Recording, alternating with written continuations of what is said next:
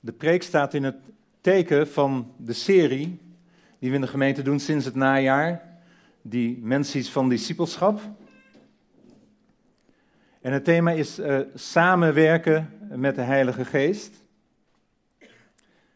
En binnen dat thema spreken we over horen van God en hoe je dat toetst, hoe je daarmee omgaat. Janneke sprak twee weken geleden over het thema Listen and Obey. Gehoorzamen, naluisteren. En Rosemarie sprak vanmorgen over haar eigen ervaring met het samenwerken met de Heilige Geest in Bijbels perspectief. En ze heeft toen ook haar schilderij eh, van de toekomst, wat zie je God doen, laten zien. En ook nog uh, twee andere schilderijen. Dat is mooi hè, om te zien. En ik hoop dat jullie dat ook uh, heeft geïnspireerd. tijdens de voorbereiding was ik eigenlijk aan het worstelen over de richting van de preek, want al voorbereiden nam je een richting waarvan ik dacht, hé, hey, is dit wel een goede richting? Totdat ik vrijdagmiddag, net als jullie, de mail van Bram Vlasblom kreeg met de zwee. En ik uh, las de zwee en ik denk, ik vraag Bram om te spreken. Het lijkt wel of er een heilige geest is. En toen Renske zaterdagmorgen even contact zocht in verband met vandaag en het bidden, was ik verwonderd over wat God al aan het doen was ook met de bidders. Dus dat is, eh, eh, ja, het is trouwens een van mijn favoriete uitdrukkingen. Het lijkt wel of er een Heilige Geest is.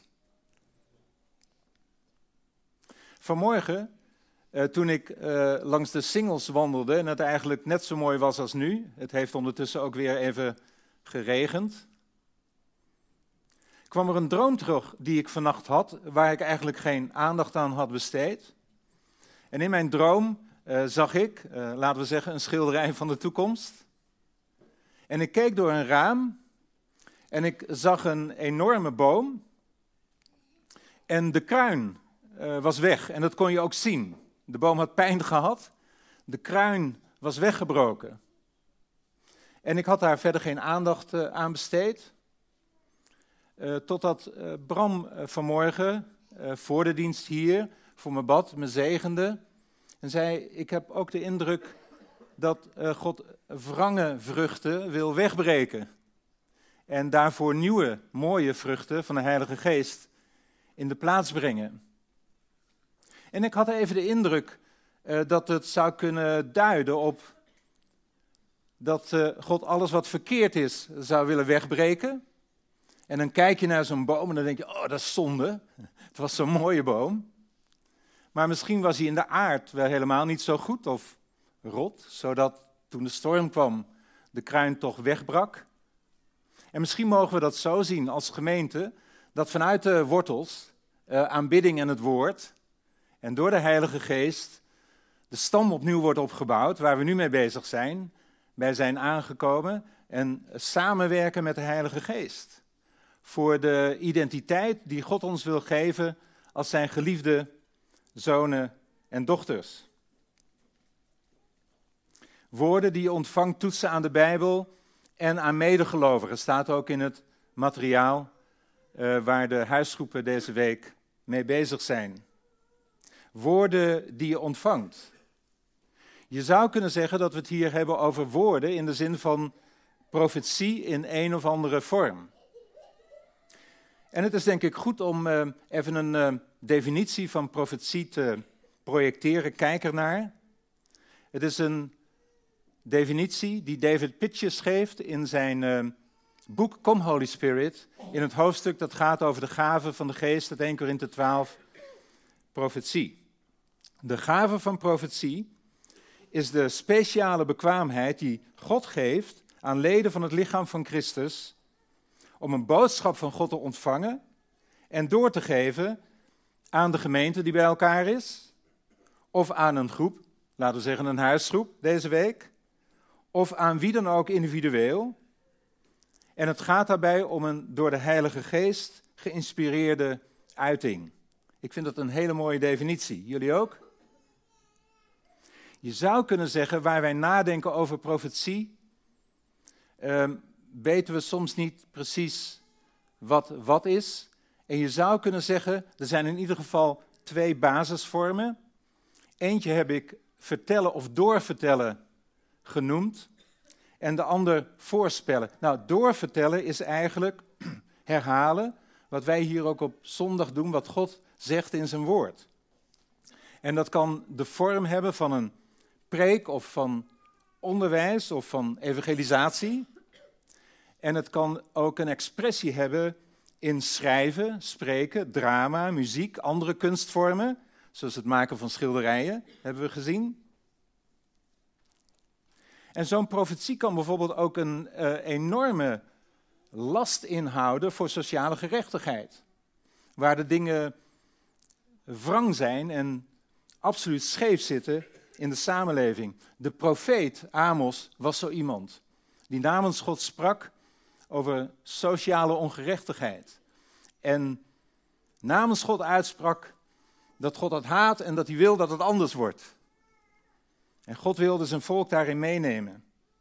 Zo kan God ook tot ons spreken over gebieden in ons leven, of ook in de samenleving van ons land of van deze stad, die wrang zijn, die een verkeerde richting hebben, of een, uh, gewoon glad verkeerd zijn, en dat Hij die wil rechtzetten. Je zou kunnen zeggen, ons gebed, uw koninkrijk komen, Vader, kun je ook vertalen als, Vader, zet het recht, zet mijn leven recht, zet het leven in deze stad of waar je woont, in welke dorp of stad ook, um, en zet, zet het leven in Nederland recht. Help ons om ons niet aan te passen aan de wereld, maar help ons om uw koninkrijk te verkondigen, zodat de wereld zich aanpast aan u. Nou, dat doorvertellen kan op heel veel verschillende manieren, zoals ik al zei.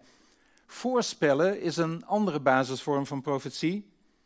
Het kan dan gaan over gebeurtenissen in de toekomst. En misschien denken uh, verschillende van jullie nu wel aan het boek uh, Openbaring, wat Johannes heeft geschreven. Uh, dat gaat over de toekomst. En ehm, je kunt ook denken aan meer specifieke boodschappen voor specifieke personen. Je komt bijvoorbeeld in het boek Handelingen de profeet Agabus tegen, die ook naar Paulus toe en naar de gemeenten toe een hele belangrijke rol had als het ging over de toekomst. Hij voorspelde bijvoorbeeld dat er een hongersnood zou komen in Judea. En uh, de mensen die vertrouwden echt dat God sprak, uh, ze toetsten dat blijkbaar en ze kwamen in actie. Want ze gingen inzamelingen houden uh, voor die hongersnood, die nog niet eens gekomen was. Maar voor de christenen in Judea, zodat ze genoeg zouden hebben tijdens de hongersnood. En diezelfde Agabus spreekt een specifiek woord uit naar Paulus als hij op weg is naar Jeruzalem. En het is een van de voorbeelden die ik straks verder ga uitwerken.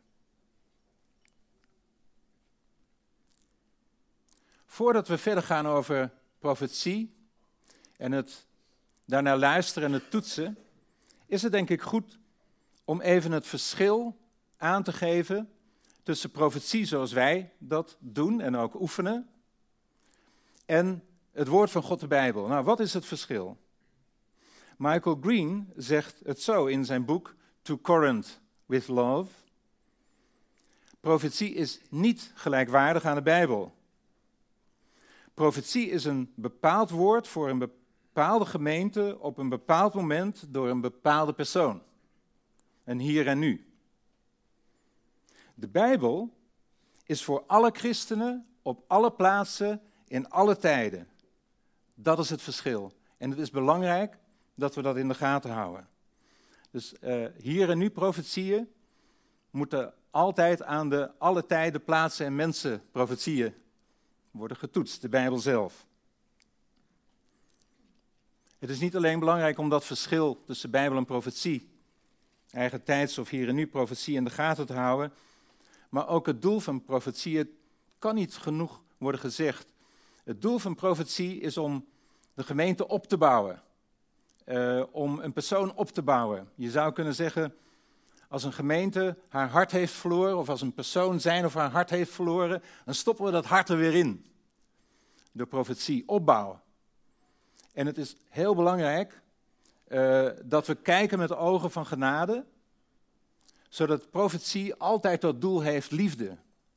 Hoe kunnen we wat God zegt uiten in liefde? Diezelfde Michael Green zegt daarover, als zij die de gave oefenen en zij aan wie de profetie gericht is, liefde tot hun doel maken, zal er een welkom klimaat zijn waarin de gave kan groeien en bloeien.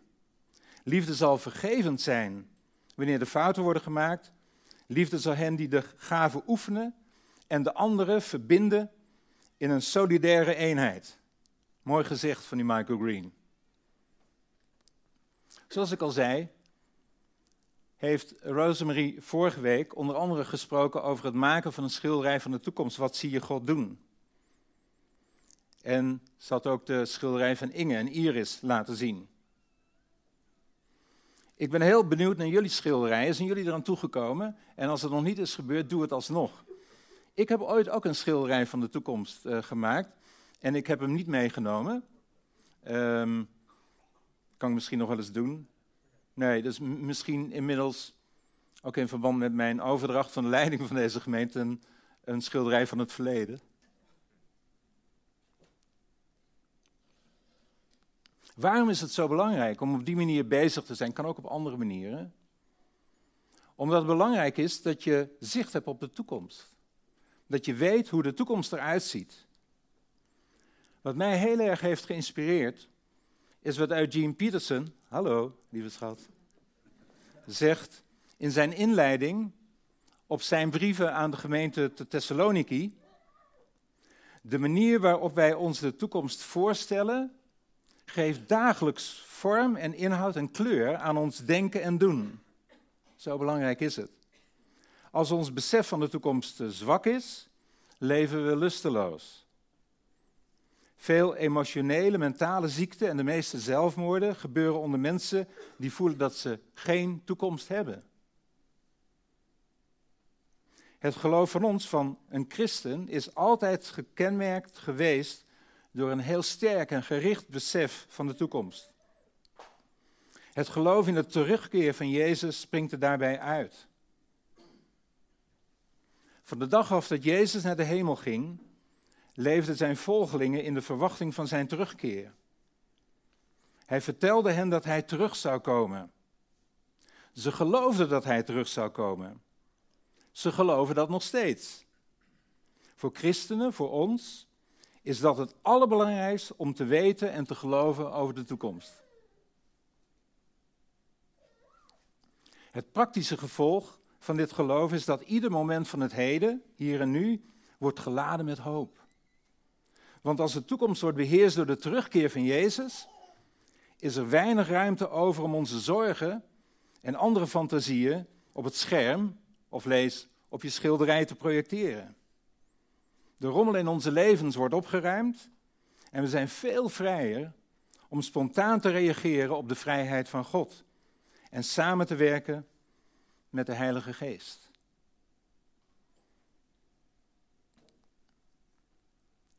Laten we bijbelen. 1 Thessalonicense 5, vers 19 tot 22. Dat stond ook in de zwee van Bram. Ik lees het eerst in de vertaling van Nederlands Bijbelgenootschap 51. 1950 was een belangrijk jaar, toen ben ik geboren. 1951 was ook een belangrijk jaar, kwam de MWG uit. Doof de geest niet uit, Veracht de profetieën niet, maar toets alles en behoud het goede. In de Bijbel in gewone taal klinkt het zo. Als iemand een bijzondere boodschap van God vertelt, luister dan goed. Onderzoek alle dingen en kijk of iets goed is of slecht. En ga dan verder met het goede en houd je niet bezig met het kwade, met het slechte. En in de message, de parafrase die Eugene Peterson heeft geschreven, don't suppress the spirit. Don't stifle those who have a word from the master.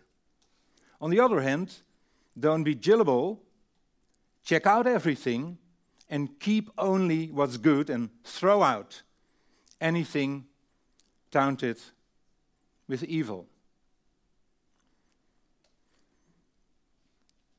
Voor degene van jullie die de Vineyard Visiecursus hebben gedaan, weet je dat we tijdens die Vineyard Visiecursus oefenen met, zoals wij dat noemen, bemoedigen. Iets waar uh, Rosemarie jullie vanmorgen toe uitnodigde. Kijk eens naar de ouders en de kindjes. En misschien is God iets aan het zeggen, misschien laat hij iets zien. En er gebeuren prachtige dingen in die Vineyard Visiecursus. Velen van ons hebben daar goede herinneringen aan.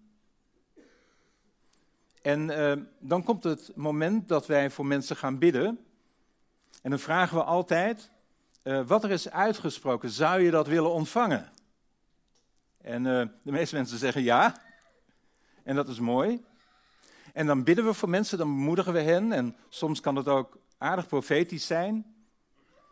En aan het eind baden we wel dit gebed dan. Heer, alles wat van u was, laat het deel uitmaken van het hart van deze persoon, van het leven van deze persoon. En alles wat niet van u was, uh, laat het geen deel uitmaken van het hart en het leven van deze persoon. Laat het gewoon afglijden, laat het verdwijnen. Uh, dat is eigenlijk uh, 1 Thessalonicense 5, vers 20 tot 22 in de praktijk. Die Paulus is met er een, hè? Hij kan enorme lange zinnen maken.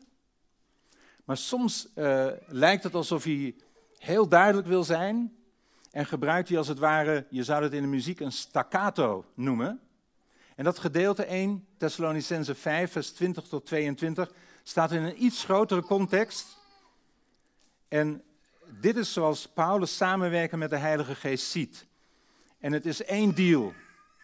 Het is alles of niks. Hij zegt, verblijd je altijd. Bid zonder ophouden, dank God in alles. Blus de geest niet uit, veracht de profetieën niet.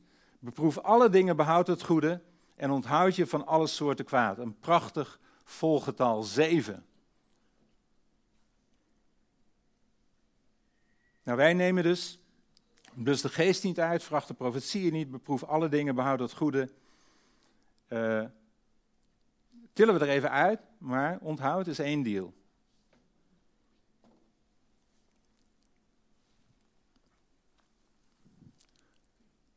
Gisteravond knoflook gegeten.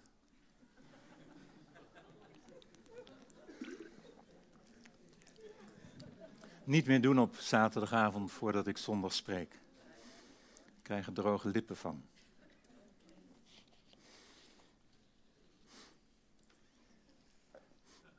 Paulus heeft het daar in dat staccato over het doen van de wil van God. Weet je hoe dat met jullie is als het gaat over de wil van God? Als je dat hoort, denk je dan, oh. Of denk je, ja, graag. Stel je voor, uh, dit is de wil van God. En hij is ruim, hè? Ik zeg niet, dit is de wil van God. Dit is de wil van God. Prachtige wereld die zijn koninkrijk heet om in te leven. En dan uh, is dit, uh, zeg maar, onze wil. En laten we zeggen, dan is er nog een derde wil. De wil van God, is onze wil. En er is de wil van de wereld. Die is groot, maar fake. Nepnieuws. En de kunst is nu om onze wil helemaal naar die van God te brengen. En let goed op, de wil van God komt niet naar ons toe. Ja, hij komt naar ons toe in Christus. En hij trekt ons in de wil van de Vader. Hij trekt ons weg van de wil van de wereld en wil dat onze wil volledig opgaat in de wil van de Vader. En het eerste wat je ontvangt als je opgaat in de wil van de Vader is zijn liefde. Ik kom daar straks nog even op terug. Nou, profetie is bedoeld om onze wil naar die van de Vader te trekken. Dat is de richting van profetie. Dat is God die in zijn liefde trekt door zijn woord de Bijbel en door bemoedigingen eh, van mensen of eh, eh, profetieën, doorvertellende profetieën voorspellen. En hij trekt ons in de wil van de Vader. Dat is de richting. Dat is dus al een hele belangrijke toets.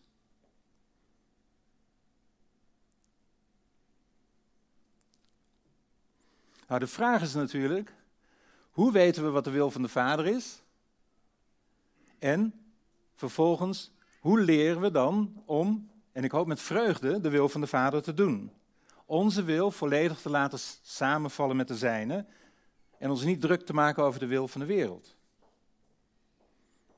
Nou, in 1 Thessalonicense 5, vers 20 tot 22, dat gedeelte dat we hebben gelezen, uh, ik geef dat nu nog even in de woorden met name van de BGT, Bijbel in gewone taal weer. Het zegt, luister goed. Dus als er iets wordt gezegd, wat er ook gezegd wordt, waar het ook gezegd wordt, luister goed. Let op. Mag ik je aandacht?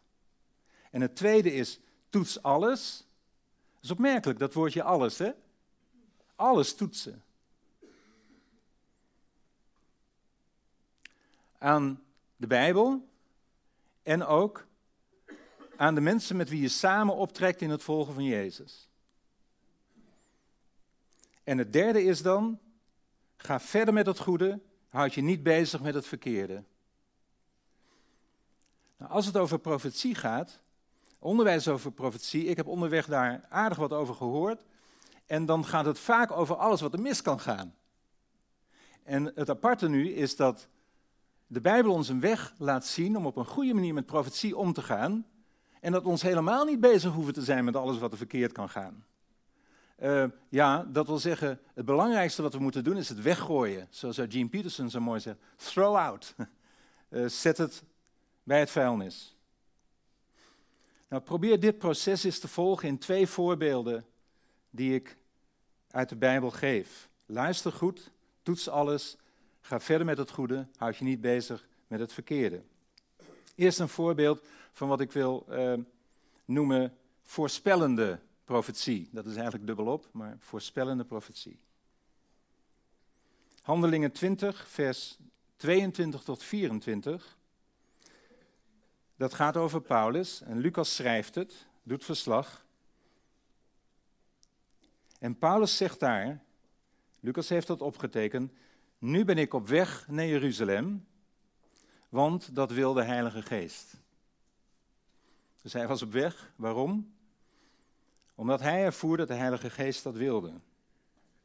En hij zegt, hij vond het spannend, want hij zegt vervolgens, ik weet niet wat er in Jeruzalem met mij gebeuren zal, maar dan opnieuw, maar de Heilige Geest zegt steeds tegen mij, je zult gevangen worden genomen en moeilijkheden meemaken. En dan nog sterker, dat zegt hij in elke stad waar ik kom. En dan vervolgt hij, hij, hij, vindt het spannend, hij, hij maakt zich blijkbaar zorgen. Maar dan, dan vervolgt hij en zegt, maar wat er met mezelf gebeurt, vind ik helemaal niet zo belangrijk. Ik hoop alleen dat ik mijn werk kan afmaken. Ik moet mensen vertellen over het nieuws dat God goed voor ons is. Dat is de taak die de Heer Jezus mij gegeven heeft. En dat is ook de taak die de Heer Jezus ons gegeven heeft. Het goede nieuws verder. Het koninkrijk van God verder.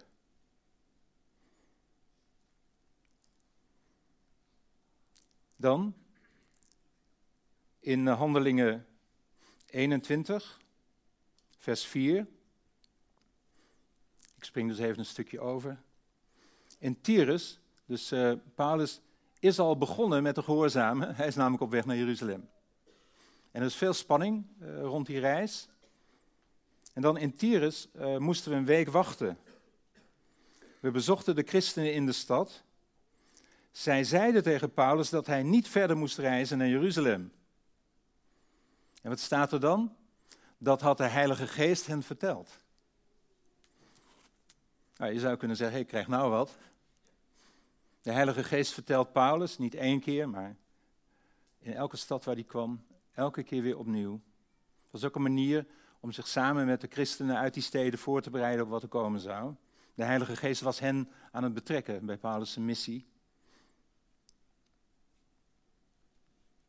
En dan staat er ook, hè, dat is tegengesteld. Hè? Dus uh, Paulus hoort, ik moet naar Jeruzalem.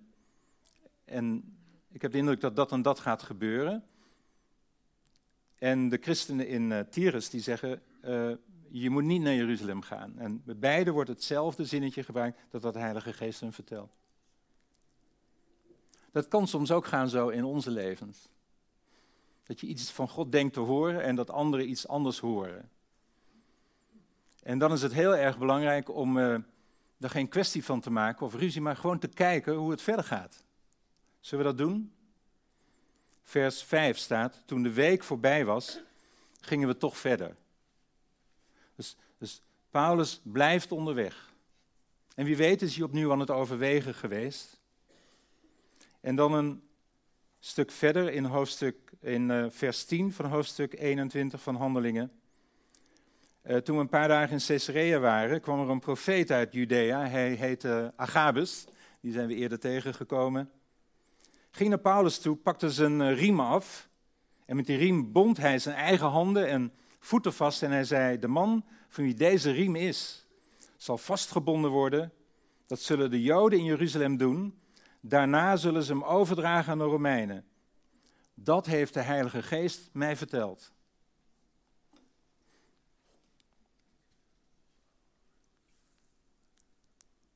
Dus de Heilige Geest eh, komt erop terug.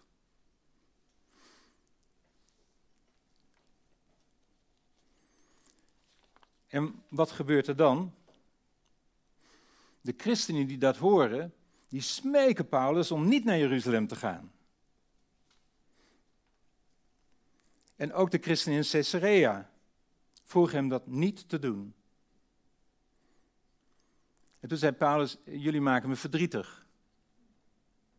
Uh, jullie tranen maken mij verdrietig. Belangrijk verschil. Jullie moeten niet huilen, want ik hoor bij Jezus.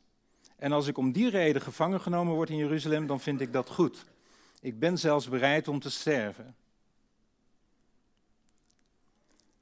En dan vers 14. Omdat Paulus zijn plannen niet wilde veranderen, veranderen zeiden we alleen nog: laat gebeuren wat de Heer wil. Nou, waarom dit voorbeeld? Je zult zeggen: eh, kom op, Jan Bennett, we zijn bezig om eh, te horen van God. En laat het alsjeblieft leuk blijven. Nou, dit voorbeeld geeft heel goed aan hoe belangrijk het is om goed te luisteren, om het te toetsen en daarna het goede te behouden en het slechte weg te gooien. Het is ook een goed voorbeeld, denk ik, omdat het de hele dynamiek, en het klinkt even wat klinisch, maar de hele dynamiek weergeeft, het proces laat zien van revelatie, wat wordt er geopenbaard, interpretatie, hoe leggen we het uit, applicatie, hoe passen we toe, en evaluatie, hoe uh, kunnen we het resultaat beoordelen? En dan blijkt uh, dat je dezelfde openbaring kunt horen en tot een verschillende conclusie kunt komen. Toen de Heilige Geest tegen Paulus zei: Ga naar Jeruzalem, zei hij: Ik ga. Maar omdat hij de christenen vertelde wat er allemaal mee gepaard zou gaan, legden de christenen dat uit, ga niet. Ik denk dat dat te maken heeft met hun liefde voor Paulus. Ze willen helemaal niet dat hij doodging of gevangen genomen werd. Ze wensten hem het beste. Ik kan me herinneren, ooit in 1984, toen Tineke en ik het besluit namen om ons beschikbaar te stellen voor fulltime leiderschap in de gemeente in Wageningen. Uh, hebben we dat op het moment aan onze ouders verteld. En mijn vader, die zei, en die had mijn studie betaald en zo, hè, maar die zei, joh, als jij denkt dat dat goed is, moet je het doen. Maar mijn schoonvader zei, dat zou ik nooit doen. Doe het niet. weet je waarom? Hij was zelf voorganger. En hij kende de ins en outs van het leven van een voorganger. Maar ik zag aan hem hoe mooi het was. Maar hij wilde, hij wilde ons beschermen. Hij wilde ons behoeden, hij wilde ons bewaren voor moeite uh, en zorgen. Daarom is het zo ontzettend belangrijk niet eigenwijs te zijn, maar het doel voor ogen te houden. We kunnen daar nu niet al te diep op ingaan. Maar toen Paulus tot bekering kwam op de weg naar Damascus, was de opgestaande Jezus heel duidelijk over zijn missie. En toen uh, iemand in Damascus naar hem toe kwam en Paulus doopte, had hij ook nog een woord voor hem. En dat ging over zijn missie, hè, om, om te laten zien het verschil tussen licht en duisternis, zodat de mensen het konden zien en dan kiezen voor het licht. Maar daar in de deal zat ook dat hij zou getuigen voor koning en hooggeplaatsten. Nou, dit verhaal van Paulus eindigt, of gaat verder zou je kunnen zeggen. Hij moet getuigen voor de keizer.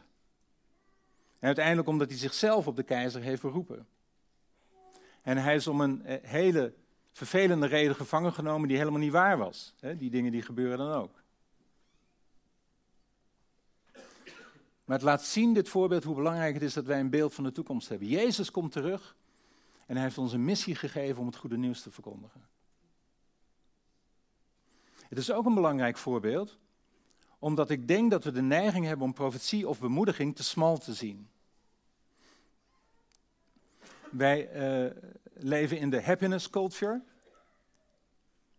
En uh, we leren elkaar en we worden geleerd door de wereld dat we alleen moeten doen wat goed voelt. En soms beroepen we dan ons nog op de vrede die God zou geven, wel of niet, om iets te doen. Maar die vrede is een diepe vrede van binnen over zijn roeping en identiteit voor ons. En niet de onvrede van ongemakkelijke omstandigheden. We moeten uitkijken dat we niet vernauwd raken tot wat goed voelt, het vermijden van pijn en moeite. Ik heb het nu niet erover dat we elkaar pijn en moeite moeten aanpraten.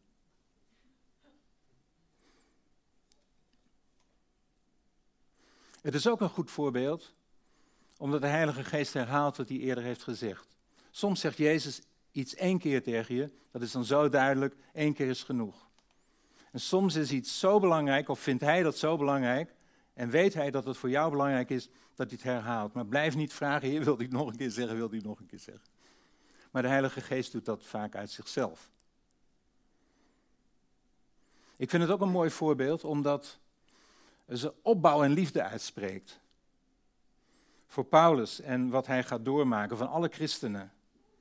De Heilige Geest, dat is ook samenwerken met de Heilige Geest, die betrekt zo iedereen bij wie Paulus is en wat er met hem gaat gebeuren, tot meerdere eer en glorie van Jezus. En ik heb het uh, flauwe vermoeden uh, dat het ook geleid heeft tot meer gebed voor Paulus. Denk je? Ze hebben niet gezegd, ja, hij gaat toch, wij denken hij moet niet, hij gaat toch, zoek het zelf maar uit. En omdat uiteindelijk, weet je, dat, dat dat verse laat gebeuren wat de Heer wil. Iedereen zegt dat. Dus eigenlijk is er een soort gezamenlijke conclusie. Ja, uh, we vinden het niet leuk. Het gaat wel gebeuren en blijkbaar heeft God zijn plan daarmee.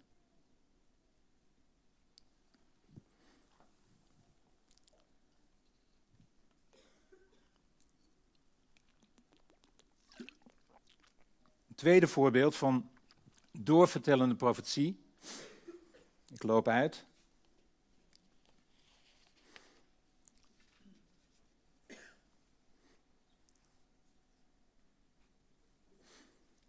...1 Thessalonicense 5... ...en dan het gedeelte wat volgt... ...op dat luister goed, toets alles... ...behoud het goede, gooi het verkeerde weg. Paulus schrijft er, onthoud u van alle soort van kwaad. En hij, de God van de vrede, heilig u geheel en al. En geheel uw geest, ziel en lichaam mogen bij de komst van onze Heer Jezus Christus, daar heb je hem weer, blijken in alle delen onberispelijk bewaard te zijn. Die u roept is trouw. Hij zal het ook doen. Dat is de context waarin Paulus dat toetsen van profetieën aangeeft, hoe belangrijk dat is. Heilig leven afgezonderd voor God, voor zijn werk door ons heen, van top tot teen. En dat heet leven zoals God het wil.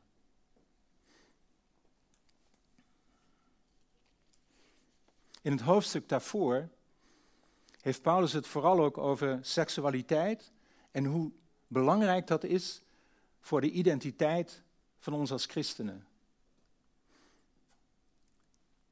En in dat gedeelte wordt duidelijk hoe, uh, christenen ook in die tijd zich heel veel lieten aanleunen door de wereld om hen heen, door de wil van de wereld. Door de hele Bijbel heen loopt die rode draad.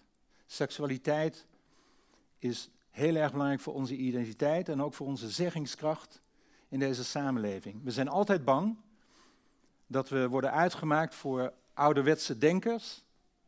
Maar daar hè, komt de Bijbel uh, in volle glorie terug. Die is bedoeld voor alle tijden en alle plaatsen en alle mensen. En er kunnen zelfs profetieën zijn over seksualiteit die de bakens uh, verzetten en seksualiteit toestaan uh, op, op allerlei levens en relaties. Ehm, daar staat wel een hele duidelijke, een duidelijk baken waar we op af moeten blijven koersen. En als hij van zijn plek wordt gezet, zo zie ik mezelf, dan zetten we hem gewoon weer terug. Naar de plek die God daarvoor heeft uh, bepaald, uh, bij zijn schepping. hij komt er bij de zondeval opnieuw op terug. Hij komt erop terug bij herstelling Christus. Hij komt er op terug bij de groei van de eerste gemeente door de brieven van Paulus. vaker kun je niet horen. Wat dat betreft is er heel veel nepnieuws in omloop. Kijk, in die tijd van Paulus, waarin hij de brieven aan de gemeente in Thessalonica schrijft, was er heel veel nepnieuws in omloop als het ging om de terugkeer van Jezus. Er waren zelfs christenen die zeiden, die, die terugkeer van Jezus heeft al plaatsgevonden. Dan denk ik, oké, maar hoe ziet de wereld dan uit? Ik heb een ander schilderij van de toekomst als het gaat over de terugkeer van Jezus. En hoe de wereld en mijn leven er dan uitziet.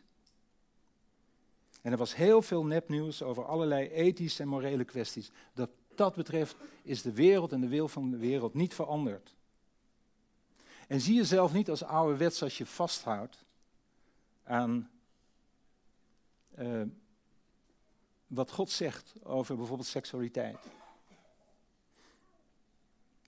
Johannes verwoordt het zo in 1 Johannes 2, vers 15. Jullie mogen de wereld en alles wat daar normaal is niet liefhebben. Want als iemand in de wereld de wereld lief heeft, dan is de liefde van de Vader niet in hem. In de wereld is het normaal om je eigen verlangens te volgen. Het is daar normaal om alles wat je ziet te willen hebben en om op te scheppen over je bezit. Zulk gedrag hoort bij de wereld en niet bij de Vader. De wereld gaat voorbij. En ook het verlangen naar dingen in de wereld gaat voorbij. Maar wie doet wat God wil, zal eeuwig leven. Waarom is dit een belangrijk voorbeeld? Het voorbeeld van Paulus en Johannes. Omdat hij heel duidelijk is over onze roeping om de wil van God te doen. Om onze wil niet aan te passen aan de wereld om ons heen, maar aan de wil van God omdat het een realiteit is dat we worden geïndoctrineerd en gemanipuleerd door de wil van de wereld, van de wereld om ons heen, door politiek en politieke correctheid, de media, de hele wereld van entertainment, zelfs de kerk, door de hele happiness cultuur, door te doen wat goed voelt, door onze eigen wil te volgen. De wereld om ons heen profeteert vaak luider dan de kerk van Jezus Christus. Waar besteden wij onze aandacht en tijd aan?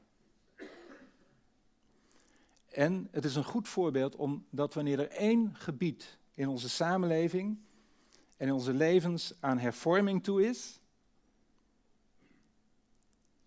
dan is het seksualiteit. Dan is het belangrijk dat we ons afvragen en telkens opnieuw, Vader, wat wilt u met mijn leven? En als het gaat om mijn seksualiteit. En daar vervolgens voor gaan en voor blijven gaan. Het is een belangrijk voorbeeld omdat het, wat de wil van God betreft, het heeft over de liefde van de Vader. En ik weet dat heel veel van ons, ik kan ze bijna met de neus aanwijzen, omdat ik ook een heel aantal van jullie ken, misschien zijn opgegroeid in wat we in de Vineyard wel noemen bounded set. Uh, het was streng en strak en het was uh, zwart of wit en er was alleen waarheid, geen genade. En velen van ons uit reactie daarop dachten, hé, hey, de fuzzy set is wel wat. Slingen van de klok helemaal de andere kant uit, het andere uiterste. Vrijblijvendheid. Oh joh, kijk ook maar wat je doet. En soms zijn we dan vergeten de wil van God en hoe belangrijk het is om uh, ons ook op het gebied van seksualiteit af te vragen: Vader, wat wilt u? Hoe ziet u dat nou? Hoe kan ik dat voor me zien? Hoe kan ik mijn leven voor me zien? In uw wil. En dan is er waarheid en genade. En Paulus en Johannes hadden die ervaring met de gemeente van toen, in die eerste eeuw. Zij hadden mensen zien veranderen. Mensen die er een puinhoop van hadden gemaakt, ook op seksueel gebied. En ze hadden gezien dat Jezus hen redde en dat hij van binnenuit veranderde. En dat is een gemeente die ik ook graag voor me zie. Dat de wil van de wereld hier niet wordt geïmporteerd, maar dat wij de wil van de Vader exporteren. In, in, met genade en waarheid. Uh, dan gaat het over vergeving, en dan gaat het over genezing, herstel, dan gaat het over bevrijding. Wat mooi is dat. Paulus kon de mensen met de neus aanwijzen. Hij zei: Ja, uh, sommigen van jullie zijn vroeger ook zo geweest, maar nu niet meer. Fantastisch. Het is een strijd om onze identiteit als zonen en dochters van de Vader. De Bijbel roept ons op tot bekering, verandering van denken. En weet je wat ik zou willen zeggen als dat soms tot geestelijke spierpijn leidt? Dat is goed. Wil je ergens goed in worden op het gebied van sport? Nou, je spieren gaan pijn doen. Wil je als discipel Jezus volgen? Ik heb het niet over de wet, hè? Maar uit genade leven.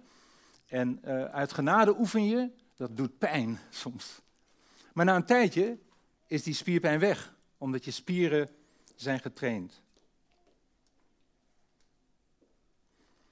En dat is Bijbelen waard. En dat is gesprek met andere volgelingen van Jezus waard.